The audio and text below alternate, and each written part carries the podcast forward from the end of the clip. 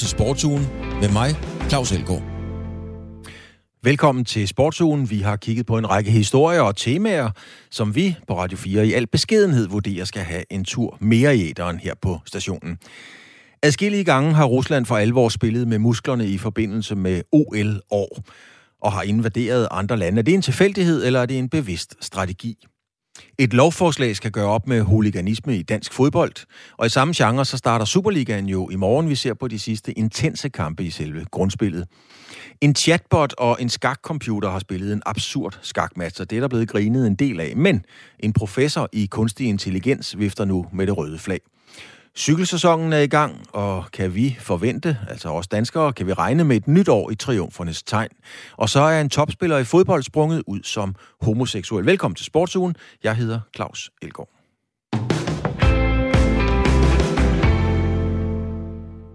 Rusland og Hvide Rusland eller Belarus skal udelukkes fra OL næste sommer i Paris. Det mener i hvert fald 35 lande, og iblandt dem er Danmark. Kulturminister Jakob Engel Schmidt fra Moderaterne har tidligere understreget, at Danmark er imod russernes deltagelse ved de olympiske lege. Den internationale olympiske komité IOC havde ellers åbnet en dør på klem for, at atleter fra de to nationer gerne måtte komme med til sommerlejene. Hvis man kigger historisk på, hvordan Rusland har ageret, hedder det i international storpolitik i OL-år, så er der faktisk en linje. I 1956 var der OL. Samme år gik Rusland ind i Ungarn. 68 var også et OL-år. Det år gik Rusland ind i Tjekoslovakiet. 1980 var et OL-år. Det år legnede Rusland, eller Sovjetunionen, 18 sovjetiske panserdivisioner op, klar til at invadere Polen. Det skete dog ikke. 2008 er et OL-år. Samme år invaderer Rusland Georgien. 2014 er der vinter-OL. Samme år går Rusland ind på Krimhalvøen. Og 2022, ja, der var sandelig også OL. Det år Rusland gik ind i Ukraine. Så kan man spørge sig selv, om disse datoer og invasioner er tilfældige, eller Rusland har brugt OL bevidst, fordi den internationale opmærksomhed måske er rettet mod de olympiske lege. Det har jeg spurgt lektor ved Forsvarsakademiet Claus Mathisen om.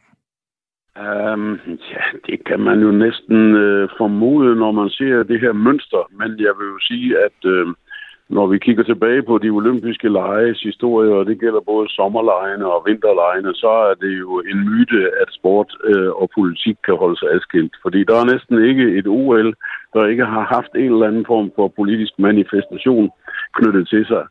Øhm, jeg tror, at øhm, det man øh, nok mere gør, det er, at man, øh, man har en eller anden plan om at gøre noget, måske affødt af, hvad man opfatter som en øh, militær eller ideologisk nødvendighed, eksempelvis at øh, gå ind i Budapest i 1956. Øhm, og når så man skal til at gøre, gøre det, så kigger man så på den bedst mulige timing. og især i nyere tid, øh, hvor øh, nyhedsstrømmen er kolossal og hurtig, der er man nok blevet meget opmærksom på, om man eventuelt lige kunne snige, han har sagt sådan en eller anden lidt kritisabel begivenhed, kritisabel indsats ind i skyggen af noget større. Det kender vi jo også fra hjemmefra, når man offentliggør upopulære politiske beslutninger. Så har man det også med at gøre det på tidspunkter, hvor der er noget andet, der måske kan overskygge det og få, få det til at fortabe sig lidt. Og det tror jeg mere, der er tale om, end sådan en meget bevidst planlægning, der handler om at koordinere det med, hvornår der er enten vinter-OL eller sommer-OL. Mm. Øh, hvad betyder, eller hvad vil en, en øh, eventuel OL-deltagelse? Altså, der er 35 lande, der har stemt imod, øh, at Hvide Rusland eller Belarus og, og Rusland kan deltage ved de olympiske lege næste sommer. De har stemt imod. Men hvad vil en OL-deltagelse betyde for Putin og hans styre?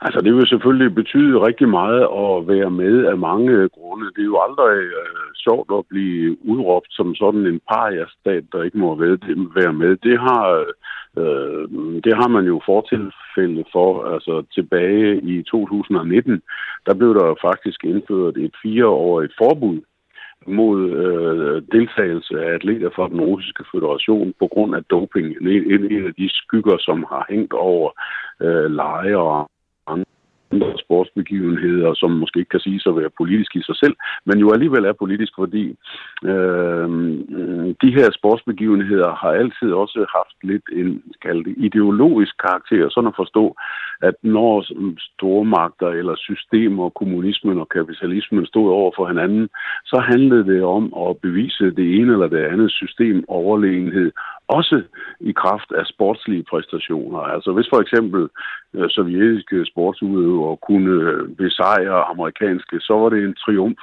for kommunismen. Og det er jo lidt det samme, øh, Putin også øh, gerne vil i dag. Det er jo ikke bare sport. Han vil jo gerne vise, at Rusland er et land, der kan fostre dygtige, dygtige øh, atleter, og atleter, som er i stand til at slå øh, atleter fra andre lande, især Vesten, øh, som øh, man jo har en øh, klar holdning til, er idémæssigt, måske endda ideologisk Rusland underlænt, fordi man taler om vores forkærlighed for LGBTQ og plus og hvad det hedder alt sammen, rettigheder og det ene og det andet. At Man mener simpelthen, at vi er dekadente. Og den dekadence, den vil man gerne ligesom yderligere understrege og bevise ved, at øh, russiske sportsfolk, de kan til enhver tid besejre amerikanske eller danske eller tyske eller hvor de måtte komme fra i Vesten. I det gamle Rom, der var der jo begrebet brød og spil. Altså kejseren, han, øh, han sørgede for, at der var mad, så var der gladiatorkampe, hestevedløb og så videre. Og det ligesom mættede befolkningen, så man ikke blandede sig i politik. Øh, ville en OL-deltagelse også give den russiske befolkning et frikvarter for det, der nu engang sker i Ukraine? Det tror jeg ikke, man kan sige, bortset fra at uh, tv-transmission af store sportsgivenheder jo altid er uh, noget, der har en underholdningsværdi. Det er spændende at følge uh, hårde kampe mellem gode hold eller enkelt atleter og den slags ting. Men øh, jeg synes egentlig, at de olympiske lege lige siden, havde jeg sagt, de blev genoptaget i slutningen af 1800-tallet, øh, har, har hele tiden haft den her im af noget politik hæftet ved sig. Øh, hvis vi tager 1936-lejene i Berlin og nogle af de, af de leje, du har nævnt om øh, i, i 1956, jeg tænker så man også især på Moskva-lejene i 1980 og de efterfølgende leje i Los Angeles i 1984, hvor vi stod sådan i en meget hård konfrontation øh, mellem Østblokken og, og, og Vesten, og hvor øh, USA valgte sammen med øh, op imod 60 lande at blive væk fra lejene i Moskva, øh, blandt andet på grund af det, der skete i Polen, som det blev nævnt, men også på grund af den sovjetiske invasion af Afghanistan i 1979. Og, og så, så svarede Østblokken, om man så må sige, igen i 1984, da lejene faldt sted i Los Angeles, øh, ved at blive væk. Øh, det var faktisk kun Rumænien, som var med i Østblokken på det tidspunkt, som deltog. Alle andre, de boykottede dem. Så der er hele tiden den her politiske, ikke bare undertone, men, men, men medklang i de olympiske lege, uanset alt snak om, at sport og politik kan holdes adskilt. Mm-hmm. Der er jo OL i Paris i 2024, altså næste sommer. Er der nogle lande, hvis man holder sig til tesen om, at øh, OL-år er, er anvendelig i forhold til en invasion, er der nogle lande, der skal føle sig troet i 2024? Øh, det kan man jo spekulere i. Øh, jeg har jo hæftet mig ved, at amerikanerne for eksempel er kommet med nogle profetier om en mulig øh, kinesisk invasion af Taiwan til den tid. Men lad os nu håbe, at det ikke holder stik. Men som verden ser ud for øjeblikket, så bliver den jo mere og mere præget af krig og konflikter, og derfor er risikoen for, at der sker et eller andet i 2024, der gør, at Paris også bliver mærket af krig og konflikt og boykot på grund af det. Øh, risikoen for det, eller sandsynligheden for det, denne må jeg sige er temmelig høj. Det går den anden vej nu.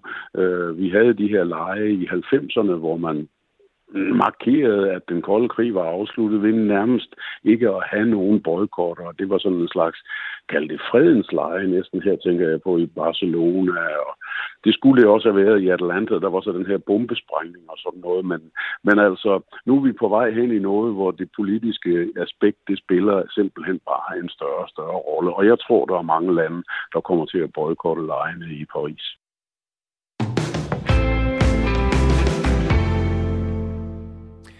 Snart ruller fodbolden igen på de danske Superliga-stadions, og det betyder jo også en masse mennesker på lægterne. I efterårets Superliga-kampe betød det også, at tilskueroptøjer og, og uroligheder, dem var der mange af, og det vil justitsminister Peter Humlegård fra Socialdemokratiet nu gøre op med. I tirsdags præsenterede han og regeringen nemlig en række konkrete forslag til stramninger, der skal forhales på hooligans. Lovforslagene er kommet til i samarbejde med en række forskellige interessenter, blandt andre fodboldklubberne FCK og Brøndby, og også fansamslutningen Danske Fodboldfans, hvor min næste gæst, Christian Rutmann, er formand. Velkommen til dig, Christian Rutmann. Øh, de nye tiltag skal jo give, eller vil jo give politiet, skal vi sige, videre og større rammer for at gribe ind. Øh, og det udvider også listen over, hvad, hvad man kan give i karantæne. Hilser du, øh, skal vi sige, de danske fodboldfans, du og jer, øh, hilser i det her tiltag, tiltag velkommen? Ja, altså, og først og fremmest tror jeg også, det er vigtigt at sige, at det er jo ikke kun øh, lovgivningen, der ændrer det her. Vi kommer også til at ændre rigtig mange praksis omkring, hvordan man afholder øh, de her fodboldkampe i tæt dialog mellem klubber og øh, fans og politiet. Så det, ja, der er nogle lovmæssige ændringer, som vi selvfølgelig også siger velkommen, og vi har et eller andet sted forsøgt med den her nedsættelse af ekspertgruppen at komme med de bedst mulige forslag til, hvordan vi altså, samlet set vurderet, øh, vi kunne stoppe de problemer, der har været. Du sagde i introen, det var mange. Det er faktisk ikke enig i. Ja, der er øh, desværre har været uheldige sager, og en sag er selvfølgelig også en sag for meget, men relativt set i forhold til, hvad vi ser i vores nabolande, så går det rigtig godt i Danmark. Øh, med det sagt skal det også siges, at der er stadigvæk nogen, der ikke kan finde opføre sig ordentligt, og det er jo selvfølgelig dem, vi prøver at ramme øh, med den anbefaling, vi kom, og nu det lovforslag, som øh, er stillet til Folketinget. Vi håber, det kommer til at virke, og vi føler et sted, at vi rammer en god middelgrund, hvor vi rammer kun de få, der er problemet, og et eller andet sted skåner de øh, øvrige mange tusinde, øh, 100.000 fans. Rutman, du siger jo meget tydeligt, at øh, du ikke er helt enig i, eller du anfægter, jeg i oplægget siger, at der er mange, det er du ikke enig i, og du siger også, at det rent faktisk går ret godt i Danmark. Kan du så være enig med, med det lovforslag, der kommer overhovedet? Ja, det kan jeg godt. Jeg synes, at det, vi, vi er landet et utroligt godt sted, hvor vi også et eller andet sted sikrer, at vi, vi får kigget på den udvikling, der har været, hvor blandt andet det her trøjetyverier og røveri og trusler også har fulgt mere. Øh, at vi får sat ind øh, over for det og sikret, at det i hvert fald straffer det, og et eller andet sted forsøger øh, derigennem at begrænse det. Men derudover har vi også lagt fokus på rigtig meget, blandt andet det forebyggende arbejde, som også er øh, et resultat et eller andet sted, at det, det vi, de ting, vi har diskuteret i ekspertgruppen, som også har, har nedfældet sig i, at vi har skabt en masse andre forer, hvor vi kan diskutere parterne imellem, hvor det nogle gange giver mening, hvordan vi kan håndtere de her sager endnu bedre, blandt andet dialogforum, der er blevet etableret, og igen forebyggelse, men også tættere, arbejde, tættere samarbejde mellem øh, politi og klubber. Mm. Øh, justitsministeren sagde i forbindelse med præsentationen, citat, det skal være trygt for børnefamilier og andre tilskuere at komme på stadion, og det er det ikke, når der udbryder slåskampe, bliver revet sæder eller kastet ting mod politi og kontrollører. Citat slutter. Det er selvfølgelig hans ord, men kan du genkende de scener, som ministeren tegner op her? Ja, jeg tror, at vi, vi kan alle nævne øh, de øh, 3-4 kampe, der henviste til sidste år, Øh, men med det i mente er vi også bare nødt til at huske på, at der afvikles rigtig mange fodboldkampe i god ro og mag i Danmark. Der er øh, til enkelte kampe, øh, hvor der er enkelte fraktioner, øh, hvor, hvor det stikker af, og det er det, vi skal sætte over for. Men helt generelt er det jo trygt og sikkert at komme til fodbold i Danmark. Mm. Og vi skal ikke lade den her, øh, det her lovforslag ændre ved den fortælling, for det er det. Det er trygt at tage til fodbold i Danmark. Ja, der er enkelte kampe med et højere spændingsniveau, og det er dem, vi forsøger at et eller andet sted at gribe ind for. Men nu var jeg selv til kampen i parken, øh, hvor hele det, det, det et eller andet sted stak af, og vi fik sat gang i det her arbejde. Jeg er nødt til at sige, som en neutral fan, der sad på en tribune faktisk stødende op til afsnittet, så var oplevelsen ikke så voldsom for mig. Jeg kunne godt se, at der var nogen, der kastede med sæder og muligt andet, men børnefamilier og andet var jo ikke fanget i den konflikt, der var. Øh, så helt generelt er det utrolig sikkert. Jeg synes, det kan vi ikke understrege nok, at det er trygt og sikkert for børnefamilier at tage til fodbold i Danmark. Det er jo sådan, at politiet udgiver hver år en rapport over anholdelser og sigtelser i forbindelse med Superliga-fodbold i Danmark. Og her kan man så se, at der var 0,3 anholdelser per Superliga-kamp i sidste sæson. Så sådan med lidt, øh, lidt kreativ hovedregning, så skal der altså spilles tre kampe, før der er en, der er anholdt. Så har man trukket billedet op i hvert fald. Hvordan ser du, at de her nye tiltag, altså kan de være med til at sænke tallene, hvis det i forvejen kun er 0,3 anholdelser per kamp? Ja, og det, dertil ligger det også, jeg synes, det er jo en forsimpling at sige, at der, er, der skal tre kampe til for den anholdelse. Fordi et faktum er faktisk, at der skal langt flere kampe til for den anholdelse. Men det vi ser, det er, når der så endelig er øh, nogle episoder, så bliver der foretaget flere anholdelser. Så det er, det er utrolig få kampe, og det er utrolig... Det, ultimativt set i forhold til den samlede øh, skare, der ser fodbold i Danmark på stadion, så det er en meget lille flok, vi sætter for, der agerer til meget få kampe. Øhm, så ja, jeg, jeg håber, at det kommer til at virke, og vi har også diskuteret de her tiltag, blandt andet med fleksible afstandszoner og holde fans lidt tilbage øh, på afsnittet for at afvikle trafikken omkring stadion inden at man sted slipper det andet holds fans ud. Og jeg tror også sådan nogle øh, relativt simple løsninger, som vi jo kender øh, fra de europæiske klubturneringer, blandt andet i UEFA, det bliver praktiseret i mange år, at det, det har en god præventiv effekt, fordi det, det læner sig lidt op det her ud af øje, ud af sind. Øh, og hvis folk ikke mødes og, og blandes lige efter kampen, så har vi set, at det kan rigtig mange problemer. Og der, det tror jeg også, at det kommer til at hjælpe os i, øh, i at løse de her problemer. Altså, der er jo iværksat et tiltag, et samarbejde mellem Brøndby IF og Vestegnens politi, hvor man laver en, en forebyggende indsats for, at unge skal havne i de her voldelige øh, huligansmiljøer. Og det har jo en klang af noget bandepakkeagtigt. Hvad er det for en indsats, der skal laves nu? Ja, og ja, altså, jeg kan, man kan jo starte med at sige, at det er jo faktisk en indsats, vi allerede har set øh, praktiseret i Aarhus i rigtig mange år, og med rigtig stor succes. Øh, og, det, og det er jo basalt set, at man tager fat i de her unge mennesker, øh, der bevæger sig lige på vippen, om man vil, til at, at tippe over dem i øjnene sted for at holde fast i dem og forklare dem, hvordan man kan agere øh, trygt og godt, således at fodbolden bliver trygt og godt for, for alle. Øh, og jeg, jeg tror, det er utrolig vigtigt, at man får sat sig ned med de her folk, og også belyst de konsekvenser, der er ved en given adfærd. Og jeg tror i højere grad på, at vi skal sætte ind over for det her forebyggende arbejde, i stedet for straf. For der er nogen, og jeg tror ikke, vi skal ikke snyde os selv. Der er nogen, vi ikke kommer til at kunne ramme på det her. De, det eneste tiltag, vi har over for dem, det er mere straf. Men der er også rigtig mange yngre fans, og de fans, der er lige på vippen, som man kan gribe ved faktisk sætte sig ned og snakke med dem, og forstå deres øh, ståsted, og også et eller andet sted forsøge at notch dem over, øh, således at de bidrager til en god og positiv fankultur, og ikke øh, bi- eller bidrager til flere negative overskrifter i medierne. Christian Rothmann, du er formand for de danske fodboldfans. Tak fordi du stillede op, og tak fordi du i øvrigt øh, altid stiller op. Det.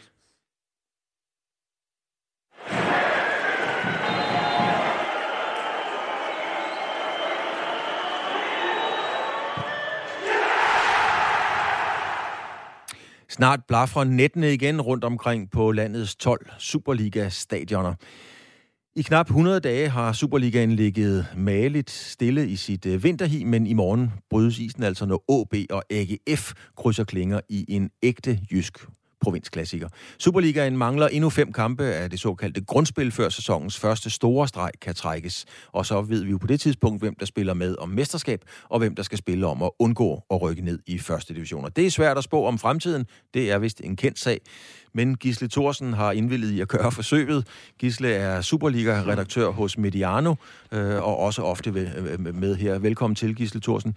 Øh, vi starter, tak, lige med, vi starter lige med et lille kig i krystalkuglen. Jeg har fem scenarier stillet op, og du må kun svare ja eller nej, og så går vi i dybden med det øh, om lidt. Så et af første udsagn. Silkeborg ender i nedrykningsspillet. Ja. OB, fasthold, OB fastholder sin plads i top 6. Nej. Randers havner i nedrykningsspillet. Nej. AGF spiller sig i top 6. Nej. Brøndby kommer ikke i top 6. Det svarer jeg nej til. Brøndby kommer i top 6. Brøndby kommer i top 6. Okay, lad os skrive fat i den. Det må du lige ja. uddybe, fordi Brøndby, de ligger altså nummer 10 lige nu. Hvad er det, der får dig til at tænke, at det kommer Brøndby der i top 6? Ja, men det er lidt det, jeg har set i den her opstart øh, fra Brøndbys side. Altså, de har jo haft øh, rigtig, rigtig fine træningsresultater, så det er jo så, kan man sige, træningskamp er én ting, og turneringskamp noget helt andet, og det er også korrekt, men man må bare sige, at, øh, at Brøndby har jo øh, har vundet råb og stop, og så har de jo også forstærket sig ganske markant med, med Håkon Evjen, en, en nordmand, øh, Rasmus Lauritsen. Nu er han så ikke med helt fra start, han har et lille formmæssigt efterslæb. Øh, Frederik Winter, Øh, så, så altså, de har fået nogle nye spillere ind, og det virker til, at Jesper Sørensen, den nye træner derude, øh, allerede har øh, fået meget godt styr på, øh, på de spillere, han råder over, at, at, at vi ser et andet Brøndby-hold i øh, det her forår, end vi så i efteråret. Et af de store spørgsmålstegn i den her Superliga, det må sige at være OB. Jeg ved ikke, om det er et mysterie, men det er i hvert fald et, et hold, der, der efterlader nogle spørgsmålstegn efter sig. De er faktisk aldrig rykket ud af Superligaen, men sluttede altså efteråret med at tabe fire kampe i streg. Lige nu, der ligger de aktuelt til nedrykning. De har lavet nogle, øh, det har vi mm. talt om tidligere, Gisle, de har lavet nogle store transfers, nogle, øh, nogle måske afgørende transfers her over vinteren, men den eneste sejr i selve opstarten er så kommet over et norsk første divisionshold. Ser du AB forvente det her og spiller sig væk fra nedrykning i de, i de næste fem kampe? Nej, det har, det har meget, meget svært ved at, ved at gøre. Altså, nu var jeg også inde og kigge lidt på oddsene, og der kan jeg jo se, at øh, det er jo ikke meget, man får igen, hvis man spiller på OB. Jeg tror, at deres øh, redningschance ifølge bookmakerne er et eller andet sted mellem 18 og 20 procent. Så øh, ja, det er en ud af fem sæsoner, hvor øh, en, en klub som OB klarer det i den her situation. Øh, og nu nævner du de her træningsresultater. Det er så deres B-hold, de vinder med øh, nærmest øh, over det her Sogndal 5-3. Øh, det har hæftet mig meget ved det er, at de har lukket minimum to mål ind i alle deres øh, testkampe, og øh, i de øh, sidste fire kampe i grundspillet, eller i efterårets grundspil, der lukkede de også fire mål ind. Altså, de har lavet nogle store, store personlige fejl, og dem skal de i hvert fald have ryddet ud i, hvis de overhovedet skal have en chance for at, øh, for at redde livet. Er det faktisk allerede en pokalkamp eller en vinder-forsvind-kamp, når de møder øh, AGF? Fordi et nederlag der, så er der måske langt op til stregen. Nej, det er det jo ikke helt, fordi altså, man kan jo ikke sådan, jeg ved godt, at, at, at trænere og spillere, de tit taler om alle de her finaler, man har, men altså en finale er jo kun én kamp, og, og, og der skal også spilles en kamp efter, uanset om du vinder eller taber. Men den er meget afgørende øh, på den façon, at hvis OB vinder, så vil de jo få noget tro, så vil de jo få noget, momentum, og det er jo det, de har brug for. Så vil de også hive AGF med ned og, og få dem til at ryste lidt i bukserne. Altså, så vil de sige, jamen så kan vi måske også godt få fat i AGF omvendt. Hvis AGF de vinder, jamen så vil, så vil de i hvert fald kunne sige, jamen så kommer vi ikke til at blive en del af den der nedrykningsstands øh, til allersidst i foråret, fordi så er de så meget foran OB, at det er urealistisk, at OB kan hente dem. Øh, så, så det er jo en meget vigtig kamp på den fasong, at, at det handler om at komme godt fra start, så man ligesom får det der momentum, får den der tro, fordi ellers, hvis de taber, så bliver det endnu en, øh, forstærkning af, af det, vi så sidst i efteråret med, med store nederlag, med mange nederlag, og så også igen de her træningskampe, hvor, hvor de mildt sagt ikke har leveret gode resultater. Ja, mens det er mærkeligt, at øh, OB ligger dernede, så den anden ende af tabellen, der ligger jo også noget, der er pudset eller underligt. Der leder tankerne måske en smule hen for os, der er gamle nok til at kunne huske det på at følge i gamle dage. Det er jo selvfølgelig Viborg. De har mm. ikke mhm. tabt en kamp siden at holde godt fast, siden mod West Ham i august sidste år. Men hen over vinteren, der har, der har Viborg jo mistet topscorer Groth, og de har også mistet sportsdirektør Fredberg, Peter Fredberg. Øh, de har vundet alle seks uh, træningskampe i opstarten, blandt andet over de norske de er jo meget populært op, der kæledækket Bodø Glimt. Øh, forventer du, at et viborg der kan komme ud fra omklædningsrummet igen og bare fortsætte, hvor de slap? Ja, det gør jeg faktisk. Øh, selvfølgelig er det her grot, det er, det er et tab. Øh, det, der så er positivt, det er, at de har været i stand til at holde fast i, i mange af de andre, så du kan sige, hele den der stamme, øh, fundamentet, det er der jo stadigvæk. Så er spørgsmålet, om de har øh, eller kan finde en nier, der, der kan score lige så mange mål, som øh, J. Roy Groth han kunne i efteråret. Det er jo det, der er den helt store test for Viborg, man kan sige. De har jo købt nogle spillere, blandt andet en, øh, en, en Paulinho, øh, som de har hentet i den næstbedste portugisiske liga, og han har der scoret i sin to første testkampe for Viborg, så det tegner jo meget godt, hvis han kan, hvis han kan fortsætte det, men altså, det er jo også svært at tro på, at man bare lige fra dag et kan gå ind og, og erstatte J. Groth og, og score lige så mange mål som ham. Men Viborg, det er, som du også nævner, utrolig solidt, altså har vundet alle deres testkampe, og har ikke tabt, siden de tabte den her øh, kamp mod West Ham tilbage i, ja, det, vi kan vel ikke engang kalde det, det tidlige efterår, det var jo nærmere i, i sensommeren. Mm. Altså, der mangler fem kampe, og uden at, at hverken underdrive eller overdrive, så må man sige, at øh, alle point, der bliver spillet om på begge sider af stregen, at de er meget, meget vigtige. En af klubberne, som selvfølgelig har meget på spil, det har de alle sammen, men, men der er forventninger til FC Midtjylland.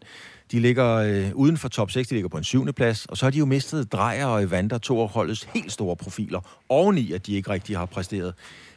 Er der noget, der får dig til at tro på, at de kan spille sig i top 6?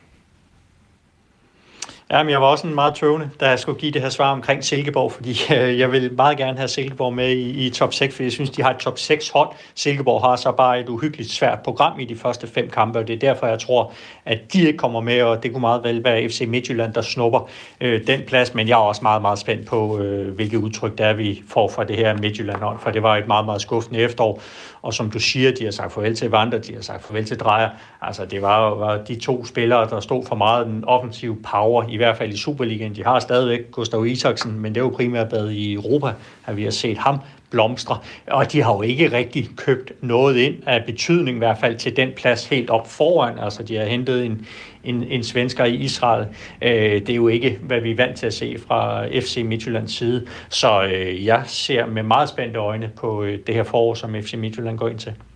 Og hvis man vil nørde mere ned i det her, så skal man gå ind og høre Mediano, øh, fordi jeg ved, I har haft, øh, I har selvfølgelig også talt Superliga optakt og så det hele, og Mediano kan du finde der, hvor du finder dine podcast. Gisle Thorsen, Superliga-redaktør netop hos fodboldmediet Mediano. Tak fordi du havde mulighed for at være med. Velbekomme, Claus.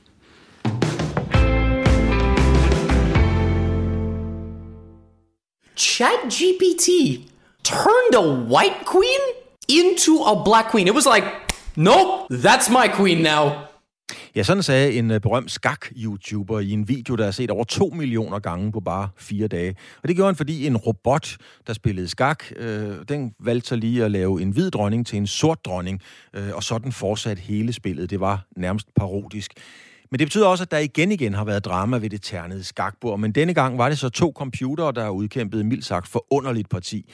På den ene side var skakcomputeren Stockfish, der generelt betegnes for at være den øh, bedste og dygtigste skakcomputer i hele verden. På den anden side spillede chatbotten ChatGBT. Og det var altså den ultive, ultimative test for selve chatbotten, og det gik mildt sagt ikke så godt. Eller det kørte helt af sporet, set med vores menneskelige øjne og forstand. For chatbotten lavede sine egne regler midt i spillet, spillede med brækker, der ikke fandtes, og nægtede at erkende et nederlag. Morten Runge er skakkommentator på Danmarks Radio, og han oplevede, skal vi sige, optrinet på den her måde. Jamen, lidt i to omgange. Altså, første gang som et øh, helt almindeligt parti. Okay, hvem er stærkest? den, den, den, den gamle verdens ypperste skakcomputer, Stockfish, eller den her nye chatrobot, som, som ingen rigtig ved, hvor får sine svar fra, og som synes bare sådan at gætte sig lidt til ting, man kan lave de vildeste digte og eksamensopgaver og sådan noget. Hvem er man så bedst til skak? Det var, sådan, det, var, det var min første, det vil jeg gerne have svar på. Og øh, når der er spillet 10 træk, kan man godt se, chat GPT, den kan godt, den kan godt spille men så forvandler det sig ret hurtigt til, okay, det, det, det, den kommer ikke til at vinde, men den kommer heller ikke til at tabe sådan helt almindeligt. Den kommer til at spille skak på en ret anderledes, og, og måske også lidt interessant måde. Mm. Hvad når du siger en, en interessant måde, hvad mener du så? Jamen, så, så, så mener jeg, jeg tænker på de, den, den, øhm, den er ikke helt styr på reglerne. Lad os sige det sådan. Men i stedet for bare at, at, at, at rykke en brik, øh, måske springer en kred frem og en til side, så begynder den på et tidspunkt, og den er lidt presset, så opfinder den en brik.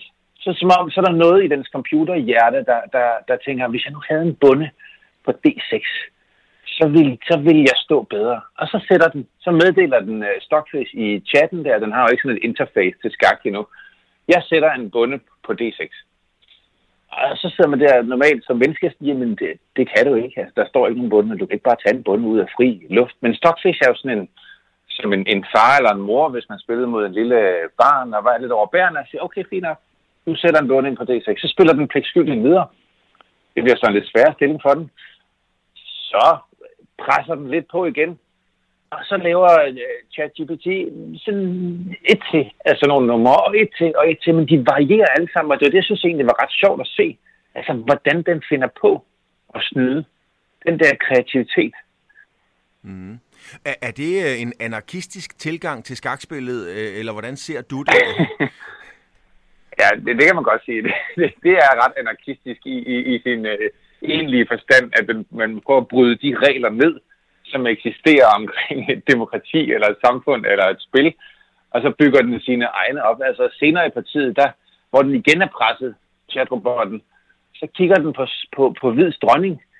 Og man forestiller sig sådan med, med et lidt misundt blik, fordi den har selv lige mistet sin egen dronning i et åndssvagt træk, og så siger den, nu forvandler jeg. den hvide dronning til en sort. Bum. Og så spiller Stockfish videre. Altså, den har mistet, ikke nok, men den har mistet sin dronning. Den er også altså, den er blevet forvandlet til fjenden. Mm. Altså, hvordan ville det ikke have set ud i en krig, ikke? hvis ens øh, medsoldater pludselig ikke bare at de døde, men altså, at de forvandlede sig til nogen, der ville så slå dig ihjel. Altså, så, øh, det, det svarer jo til ja. i en fodboldkamp, at modstanderholdet lige pludselig giver Messi øh, deres egen trøje på, og så spiller han for dem, kan man ja, sige. Ja, præcis. Men man bytter trøje, men, øh, men øh, inden kampen er slut. Ja. Men, men hvad tænker du så, at, at det her, har det været pinligt for skaksporten? Har man måske i et andet perspektiv lært noget nyt, eller har det givet noget at tænke over, eller, eller hvordan har man reageret på det her? Fordi det er jo absurd i sin, i sin oprindelighed, ikke? Mm. Jamen det, jamen, det er et meget godt spørgsmål. Hvordan har man reageret? Altså, det er jo godt stof til det, som skaksporten lever rigtig meget af lige nu. Altså, på nettet og på YouTube og på sådan, til, til de sådan 12-20-årige. Altså, det er jo en god historie, og det kan man... Det, hvis der er nogen, der er blevet ydmyget, så er det helt klart chat GPT, synes jeg. Altså, skaksporten har jo vist sig at være åbenbart så leverandør af verdens bedste skakcomputer, og det gøres helt straight ved at se, hvor, hvor, hvor langt kan du kigge ud i, i fremtiden. Og ChatGPT kommer så med sin lyrikforståelse og sin, øh, sin evne til at skrive essays, så kan, kan, kan man måske bruge det på brættet? Og nej, det, det, det kunne han ikke endnu i hvert fald, og, den, er ikke, den er ikke begyndt at lære sine fejl, som nogle af de allerbedste skakcomputere gør nu. Men, den, men det, det, jeg synes, man kunne, det, jeg synes, der står tilbage, når jeg ligesom har set de partier, den har spillet, også mod øh, nogle af de allerbedste øh, stormestre, det er jo sådan, hvor kommer de der idéer fra? Altså, hvis man tænker sådan, at al videnskab, øh, siger man jo, øh, bliver drevet frem af fejl. Altså, vi, vi er aldrig blevet klogere af, at alle mennesker i rummet ligesom har sagt, øh, det er kun inden for den her kasse, vi tænker. Så når der var en, der tænkte øh, lige, øh, lidt uden for det, man egentlig havde opstillet af regler, Ja, nogle gange, så kan man ikke bruge det til noget. Det kan man ikke 99 eller 100 gange. Men den sidste gang kan man jo, og så er det jo det, der giver de der... Så der er jo mange, der har siddet og tænkt sådan, jeg har set i mange kommentarfelter, gud ja, det kunne være en meget sjov måde at spille skak på. Altså, hvad nu, hvis man havde en bunde i hånden, som man måtte sætte ind, øh, når man havde brug for det? Eller at du en gang måtte forvandle en modstanders brik til din egen. Nogle af dem er måske lidt åndssvage ting, og vil aldrig fungere. Men det er jo med til, at, at man tænker over sin sport på en ny måde. Altså, hvis man skal ville den det bedste den gode chat GPT, og ikke bare sige, du kan ikke lave det træk. Lad være med det. Lav et ordentligt træk.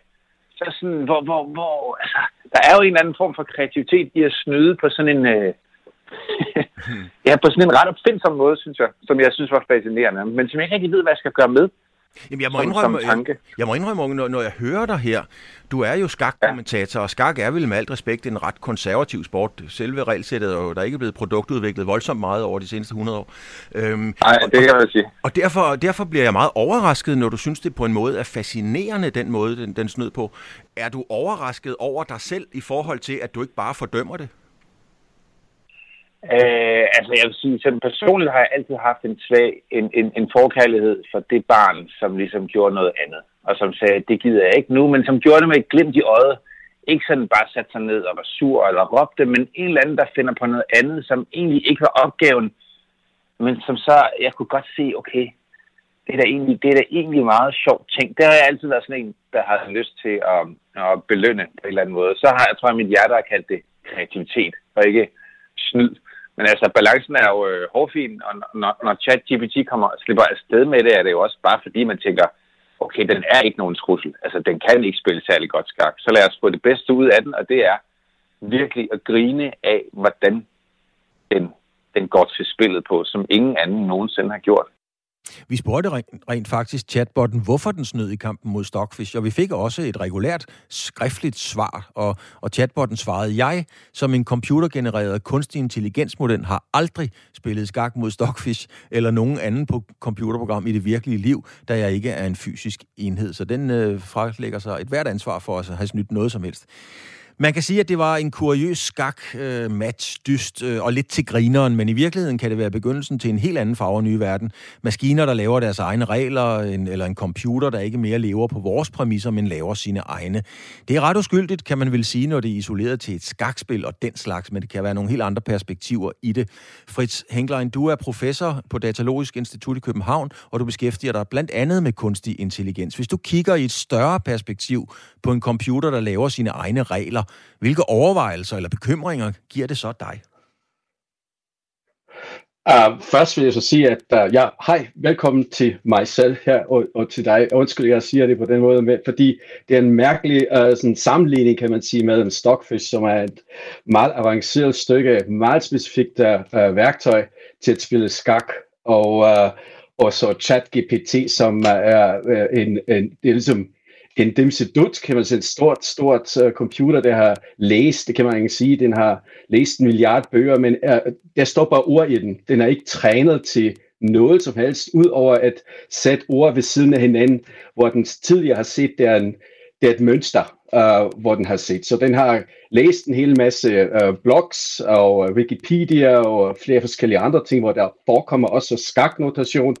Og så er det ligesom nogen, der står der og siger, skal jeg sige, bullshit, bullshit sig selv igen, hvis jeg siger det direkte, når nogen siger, skal vi ikke lige spille skak? Uh, så den kender ikke reglerne, den er ikke trænet i reglerne.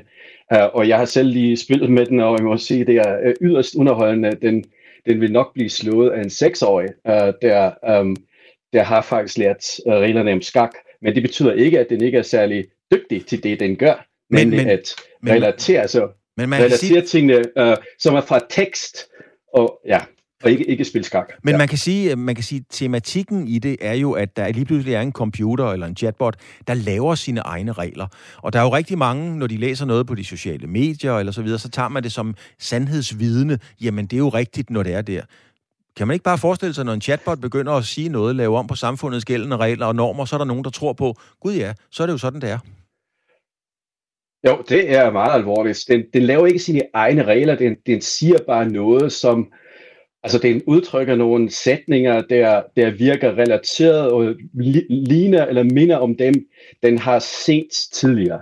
Og, uh, og på den måde har den også en tendens til at sige uh, vås, for at sige direkte. Altså den, den, uh, den siger bare nonsens, uh, hvis man altså rent faktamæssigt kigger på det her. Og det er selvfølgelig farligt, fordi den har jo netop en omgangstone, som virker som på den anden side er der nogen, altså når vi lige har hørt Morten, Morten har jo antropomorfiseret chatbot ved at sige, at der er ligesom en agent, ligesom en menneskeagtig agent, en kunstig intelligens på den anden side, der siger noget, okay?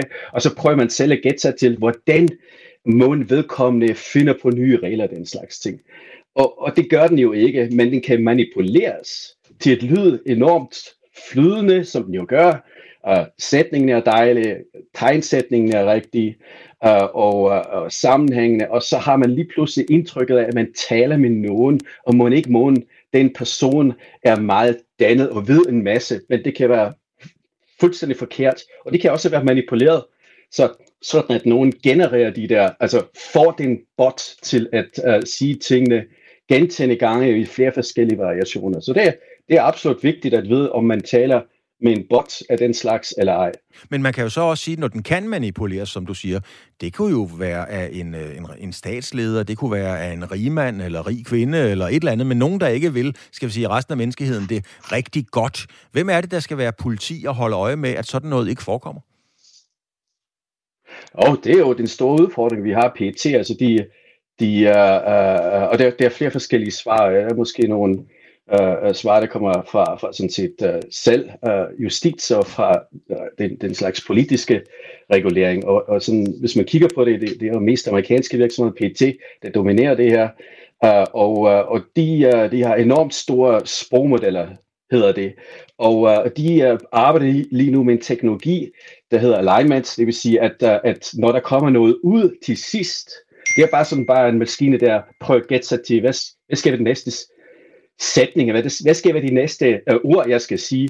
Og så bliver de tjekket og siger, uha, er det her noget er, er, er lovligt, eller har du lige øh, sagt noget forfærdeligt om Hitler, eller som er skete i øvrigt, øh, eller, eller om andre ting, som er sådan enten forbudt eller, eller moralsk øh, uh, forkastelig eller bare biased, uh, fordi man gengiver faktisk gamle data og siger, at det er nok nogle af de, de folk, der plejer at begå berøvelser. Uh, uh, det vil sige, de arbejder på den slags teknologi. Uh, men det er meget, meget vanskeligt, uh, og man kan trikse sådan set sådan chatbot til, uh, som, som uh, altså ChatGPT, og også de tidligere, der findes jo, uh, hvad vi har, der kommer BART, nu kommer jo tidligere var der Galactica, og det var TIE fra Microsoft. Det, det er sådan en, en, uh, en, en uh, række af dem, der, der uh, sådan set blevet trikset af folk, der interagerede med dem til at sige nogle frygtelige ting. Mm-hmm. Så det er den ene side, at man prøver at forbedre sådan set, at den, uh, den ikke siger alt muligt forskellige vås, og alt muligt forskellige moralsk forkastelige ting, eller måske ulovlige ting, via teknologi, og det er, det er også vigtigt. Det er en stor, stor udfordring, lige at sige. Den anden side er, sådan en regulativ side i Europa, hvor man nu har jo initiativer til at vedtage en AI-act, altså en kunstig intelligens lovgivning, for at uh, tingene skal være deklareret til at være kunstig intelligens. Mm. Lige kort til sidst, øh, Fritz Enkler, en professor på Datalogisk Institut ved København. Øhm, hvor bekymrede skal vi være? Øh, uh, jeg, jeg synes, vi skal være bekymrede. Det skal vi absolut være. Det er, fordi så vi lige har været vidne med ChatGPT, og også øh, i den måde, Morten øh, har forklaret sin oplevelse med øh, ChatGPT, at, øh, at øh, vi står i en situation, hvor, hvor vi ikke helt ved, hvem vi taler med, og dem vi taler med kan i virkeligheden være ja, robotter, altså software-robotter, der er blevet repliceret, det vil sige, at lige pludselig er der tusindvis eller millionervis af dem, og vi tror, det er sådan set forskellige individuelle folk, mennesker vi taler med, men i virkeligheden er det nogen, der bare er sendt ud i byen øh, som, som syntetiske robotter. Det skal jeg jo absolut bekymre for. Jeg synes, at øh, man, man, man skal kigge både på de teknologiske og de regulative sider her. Øh, og så kan det jo være meget gavnligt, hvad der kommer ud af det her, som intelligente assistenter, som, som tekstforfattelse og den slags ting, så hvor de også bliver brugt allerede nu meget intelligent og meget målrettet og meget effektivt. Tak skal du have, Fritz Enklin. Du er professor på Datalogisk Institut ved Københavns Universitet. Tak for at bringe os ind i en verden, som ligger lige om hjørnet. Fritz, tak fordi du var med. Jamen, mange tak igen. I, i lige måde. Tak.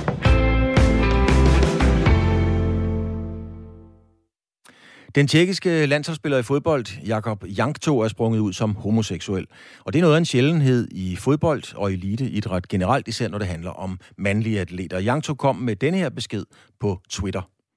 Like everybody else, I also want to live my life in freedom, without fears, without prejudice, without violence, but with love. I'm homosexual, and I no longer want to hide myself. Som alle andre vil jeg også gerne leve mit liv i frihed, uden frygt, fordomme og vold, men med kærlighed. Jeg er homoseksuel og ønsker ikke længere at gemme mig, siger Yangto altså i denne her videobesked. Bjørn Okslund, chef for, Ligestillingsinstitut, øh, chef for Ligestillingsinstitut for Menneskerettigheder, er med os nu. Øh, en voksen mand på 27 år springer ud som homoseksuel. Han er tilfældigvis fodboldspiller. Øh, burde det være en, et stort issue, jeg mener vi i 2023?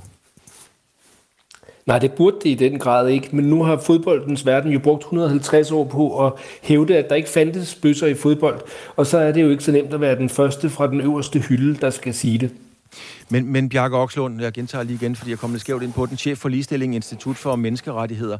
Øhm, når det bliver så stor en historie, er det så bare et udtryk for, at der er sørme langt vej endnu, før det bare er noget helt naturligt, som man ikke rigtig gider at sige andet end, nå, det var da, tillykke med det. Ja, det har du i den grad ret i, men det er et positivt skridt, øh, fordi det har fyldt utrolig meget. Øh, og man kan sige, at fodbolden har jo før bevist, at den kan komme øh, lang vej i forhold til diskrimination og, øh, og forskelsbehandling. Der var meget, meget store problemer med racisme i fodbolden for, for 30 år siden, og de store internationale organisationer har brugt rigtig meget energi på at prøve at modvirke racisme i fodbolden, og det er gået super godt. Øh, nu har racisme, i, altså i forhold til arbejdet med det, har den fordel, at øh, det, så regel, så kan man jo altså se det med sit blotte øje på banen, om, om der er en modtager af budskabet. Og det er ret høj grad det, der sker med, med fodboldens praksis, det er, at når øh, drengespillere, også i Danmark, løber rundt på banerne og bruger øh, de her øh, altså udtryk om seksuel orientering som skældsord, øh, så tror de, at der ikke er en modtager, fordi der er jo ikke nogen bøsser i fodbold. Så derfor er det en gratis omgang at sige bøsserøv og sige fucking homo og svans, øh, når der er noget, der ikke går godt på banen. Og det er det her med til at gøre op til. Hver gang vi får en øh, prominent spiller, der siger, jamen jeg er homoseksuel, så griber det ind og får øh, alle til at måtte overveje, hov, kan vi bruge den her øh, diskriminerende sprogbrug inde på banen og på stadion, og det kan vi jo ikke. Men kunne det teoretisk bare forholde sig sådan, at der ganske enkelt ikke er ret mange fodboldspillere, der springer ud, altså mandlige fodboldspillere. Kan det, for, kan det forklares helt enkelt, at der er ganske enkelt ikke så mange øh, homoseksuelle mænd i elitefodbold? Nej, altså der er der nok en hel del af dem, der er blevet sorteret fra i løbet af de første 20 års diskrimination øhm, øh, i, i, i 3-4 gange, 3-4 gange træning om ugen. Øh, men vi ved, at øh, både fra øh, alle spillerorganisationerne øh, rundt omkring i Europa, at øh, de, de, har, de har spillere, der henvender sig til dem med den problematik, øh, de professionelle spillere, at de er homoseksuelle og ikke øh, ønsker at springe ud. Vi har set det, at, øh, at der har været eksempler på, på folk, der sprang ud, når deres karriere var overstået. For eksempel den, den tyske spiller Thomas Hitzelberger. Øhm, og vi har også for nylig fået øh, fra, øhm, fra lavere rangerende hold øh, i både England og Australien. Men det er et nybrud, at der er nogen, der tør. Og det er fordi, der kommer en ny generation, for hvem det bliver så stor et, øh, altså en kløft øh, mellem deres virkelighedsforståelse, at vi lever i et samfund, hvor øh, rettigheder for LGBT-personer er fuldstændig mainstream, og så har man lige fodboldens univers, som er sådan en underlig øh, jordhule, hvor man øh, tror, at, øh, at, at, at det er okay, at man bare kan køre med, med diskriminerende sprogbrug. Det, jeg siger nu, øh, er ikke noget, jeg prøver på at få noget til at legalisere det. det. Det er bare et spørgsmål på en forklaring. Man kan sige, at tonen i et omklædningsrum på eliteniveau, både hos mænd og kvinder, den ikke bare kan være, den er ganske ofte meget, meget hård og brutal. Måske er der mange homoseksuelle mænd, der allerede tidligere har tænkt, ej, det gider jeg sgu ikke. Sådan en flok fladpander, der sidder og snakker på den måde, det er slet ikke et miljø for mig, og så bare trukket sig. Ja, det, det var jo også det, jeg lige sagde før, at øh, formodentlig er der nogen, der har valgt at trække sig undervejs. Men vi ved også altså, øh, effektivt, at der er øh, en hel del professionelle homoseksuelle fodboldspillere øh, i Europa, og vi kommer til at se det mere og mere. Nu får vi så som et nybrud, at, øh, at der sådan set har været nogen, der har sprunget ud og har gjort det både i 21, 22 og nu 23. Øh, så mit bedste bud det vil være, at øh, vi vil opdage, at der er nok lidt flere homoseksuelle professionelle fodboldspillere, end vi har gået antaget. Tror du reelt med hånden på hjertet, at der kommer den dag, hvor det ikke længere er en historie, når en mandlig topatlet springer ud? Jeg tror, der er meget lang vej hen øh, til, til det tidspunkt, hvor det slet ikke er en historie. Men hvis man kigger på andre fænomener, øh, der er jo ikke nogen, altså andre sektorer, der er jo ikke nogen, der øh, synes, at det er særlig interessant, at øh, en politiker er homoseksuel, at en øh, skuespiller er homoseksuel, eller at en øh, øh, at en badmintonspiller øh, for eksempel er, er homoseksuel. Så det er også noget med altså den, den historie, der knytter sig til øh, den enkelte øh, sportsgren eller den enkelte sektor. Og der er det øh, her, altså hele fodbolden, der er på vej i bevægelse. Så en gang om meget, meget, meget, meget, meget lang tid, så kunne man jo håbe på, at det var øh, sådan lidt en nyhed på, på linje med, at jeg skal være far næste uge, som jo også er en nyhed for stjerner i fodbolden. Den dag, Bjarke Okslund, vil vi med stor glæde se frem til, at du er chef for Ligestilling, Institut for Menneskerettigheder. Tak fordi du havde tid og mulighed for at være med her. Det var så lidt. Tak. De sejrsvandte danske pedalmusketerer, asfaltkongerne, landevejenes frygt, vi kan også bare kalde dem de danske cykelryttere, er igen i sadlen. Og naturligvis er der store forventninger efter nogle år med triumfer på samlebånd. Og mere vil jo som bekendt have mere, men kan vi realistisk forvente det? Emil Axelgaard, det er det gode, når cykelsæsonen starter, så har vi også dig med igen. Du er skribent på feltet.dk. Velkommen til, Emil. Finder de danske præstationer et naturligt leje, eller fortsætter Danmark med at vinde store løb næsten efter behag? Jeg synes, der er grund til at være optimistisk. Øhm, øh, vi har jo en talentmasse, der er, der er helt utrolig øh, lige i øjeblikket, og man kan sige, at år efter år, uanset om vi så, så øh, vinder et øh, øh vinder monumenter og VM i 2019, monument i 2020, monument i 2021 og så Tour de France i 2022, så tænker man, det kan ikke blive overgået, men, øh, men, men, men det bliver jo bare ved. Øh, og øh, jeg synes stadigvæk, øh, hvis man ser på, øh, på den bredde, vi har, så kan vi være med på, på de fleste fronter. Vi har øh, Jonas Vingegaard, som, som lige nu i mine øjne stadig er favorit til at vinde, øh, vinde øh, turen til sommer, hvis han undgår, undgår uheld. Øhm, vi har øh, øh, øh, nogle klassikerrytter i øh, Kasper Askren, som havde en skidt sæson, men som, øh, som er kommet godt igennem vinteren og forhåbentlig kan finde det niveau, der han havde, da han vandt Flandern rundt i 2021. Og, og så har vi Mads P., som, øh, som bare bliver, bliver bedre og bedre. Øh, så vi har i hvert fald øh, den meget stærke duo øh, til, øh, til, til de store klassikere. Og så har vi vores unge etabløbsrytter, øh, Mathias Skelmose, på vej frem. Øh, og Søren Krav, som, øh, som skal til at køre med, med, med Mathieu van der Poel på, øh, på Alpecin, som også bliver spændende at følge. Så jeg synes, der er al mulig grund til at være optimistisk. Noget, som øh, alle os, der elsker cykelløb, jo ser meget frem til, det er lige pludselig Paris-Nice. Ja, det gør man jo altid. Vingegaard skal køre det, men nu har Pogacar jo også lige pludselig øh, meddelt, at han faktisk kører det. Jeg mener, han øh, droppede Tirreno Adriatico. Han kører det i hvert fald. Hvorfor, øh, hvorfor tager han den konfrontation med Vingegaard øh, så tidligt på sæsonen?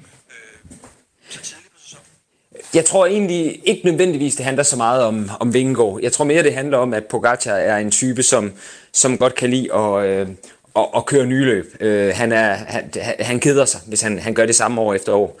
Og, øh, og, og blandt andet så øh, hans hold, som, som kommer fra øh, de forenede arabiske emirater, de har UAE-ture nu her, som det helt store mål, og det er der, han, øh, han plejer at starte, fordi det er så vigtigt et løb for dem, og det gør han så ikke i år, der starter han i Spanien. Øh, så jeg tror egentlig mest, det er fordi, at nu har han vundet Tirreno, øh, og, og så det andet løb, der ligesom køres på det tidspunkt, det er, det er Paris-Nice.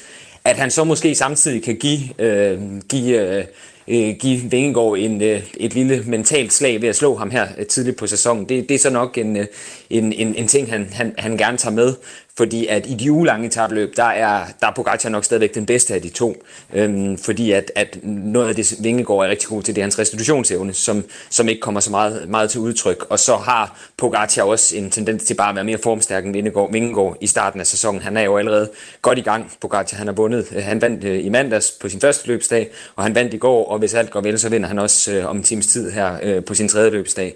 Øhm, så han er, han, er, han er godt i gang, øhm, og, og, og det generer ham sandsynligvis ikke, hvis han lige kan, kan få en, en lille overhånd mod, øh, mod Vingegaard allerede i, i Paris-Nice. Men, men det bliver spændende, fordi der er et, øh, et, et, et holdløb, øh, hvor, hvor Jumbo sandsynligvis har en god chance for at, at slå øh, UAE, som, som så vil gøre, at Vingegaard vil, vil, vil have en forspring, inden de, de rammer bjergene. Så det bliver en meget, meget spændende konfrontation. Og i den der konfrontation, der er selvfølgelig også et mentalt spil. Og de to, øh, de virker til, det ved du bedre end jeg gør, Vingård, men, men Pogacar og, og Vingård virker til at være skruet forskelligt sammen oven i låget, kan man, kan man sige. Altså, hvis uh, Pogacar vinder og får det her mentale overtag, er det så noget, der, der, der gør impact på Vingegård? Det tror jeg ikke, fordi de to øh, mødtes også præcis på samme tidspunkt af sæsonen sidste år. Der var det så bare i Tirreno i stedet for i, øh, i, øh, i Paris-Nice. Og der kørte øh, Pogacar Vingegaard over. Øh, altså over. Han blev stadigvæk nummer to Vingegaard. Øh, så, så, så, så han kørte stadig flot løb. Men på det tidspunkt var Pogacar så suveræn. Øh, lige få, nogle få dage forinden, der havde han kørt Strade Bianche, den øh, italienske grusvejsklassiker, hvor han havde kørt øh, 50 km solorit til sidst og smadret alt. Så der sad alle folk sådan lidt øh, og rystede opgivende på hovedet og tænkte, det bliver ikke sjovt med Tour de France til sommer, fordi at når han er i det humør, så er der jo ingen, der kommer i nærheden af ham.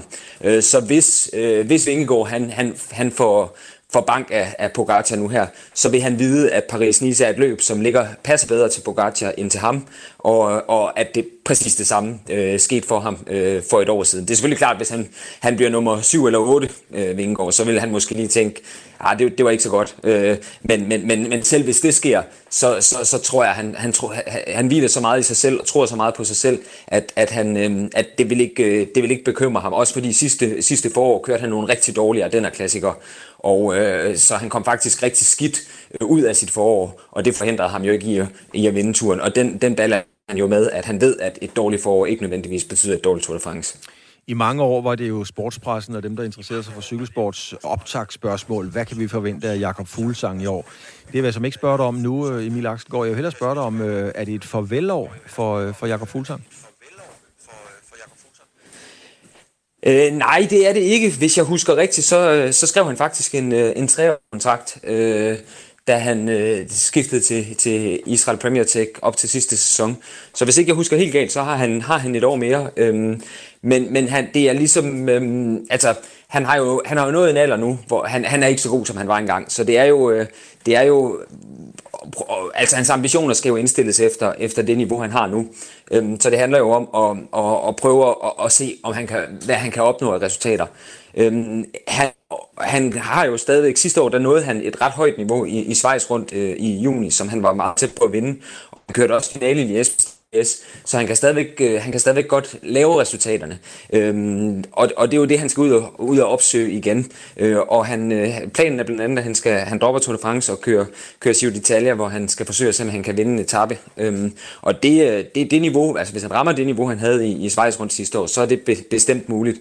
Så, så han har i år og, og, og næste år også øh, til at prøve at Øh, og så må vi så se, om han fortsætter derefter. Men, men i hvert fald de to år til at prøve at, at, at presse de sidste resultater øh, ud, ud af kroppen. Og, og det er bestemt ikke umuligt, selvom det selvfølgelig ikke er på det niveau, øh, det var, da, da han øh, vandt Dauphiné to gange og vandt to monumenter. Emil Axelgaard, du får lige 30 sekunder til det sidste spørgsmål, fordi så skal vi videre til nogle nyheder nemlig.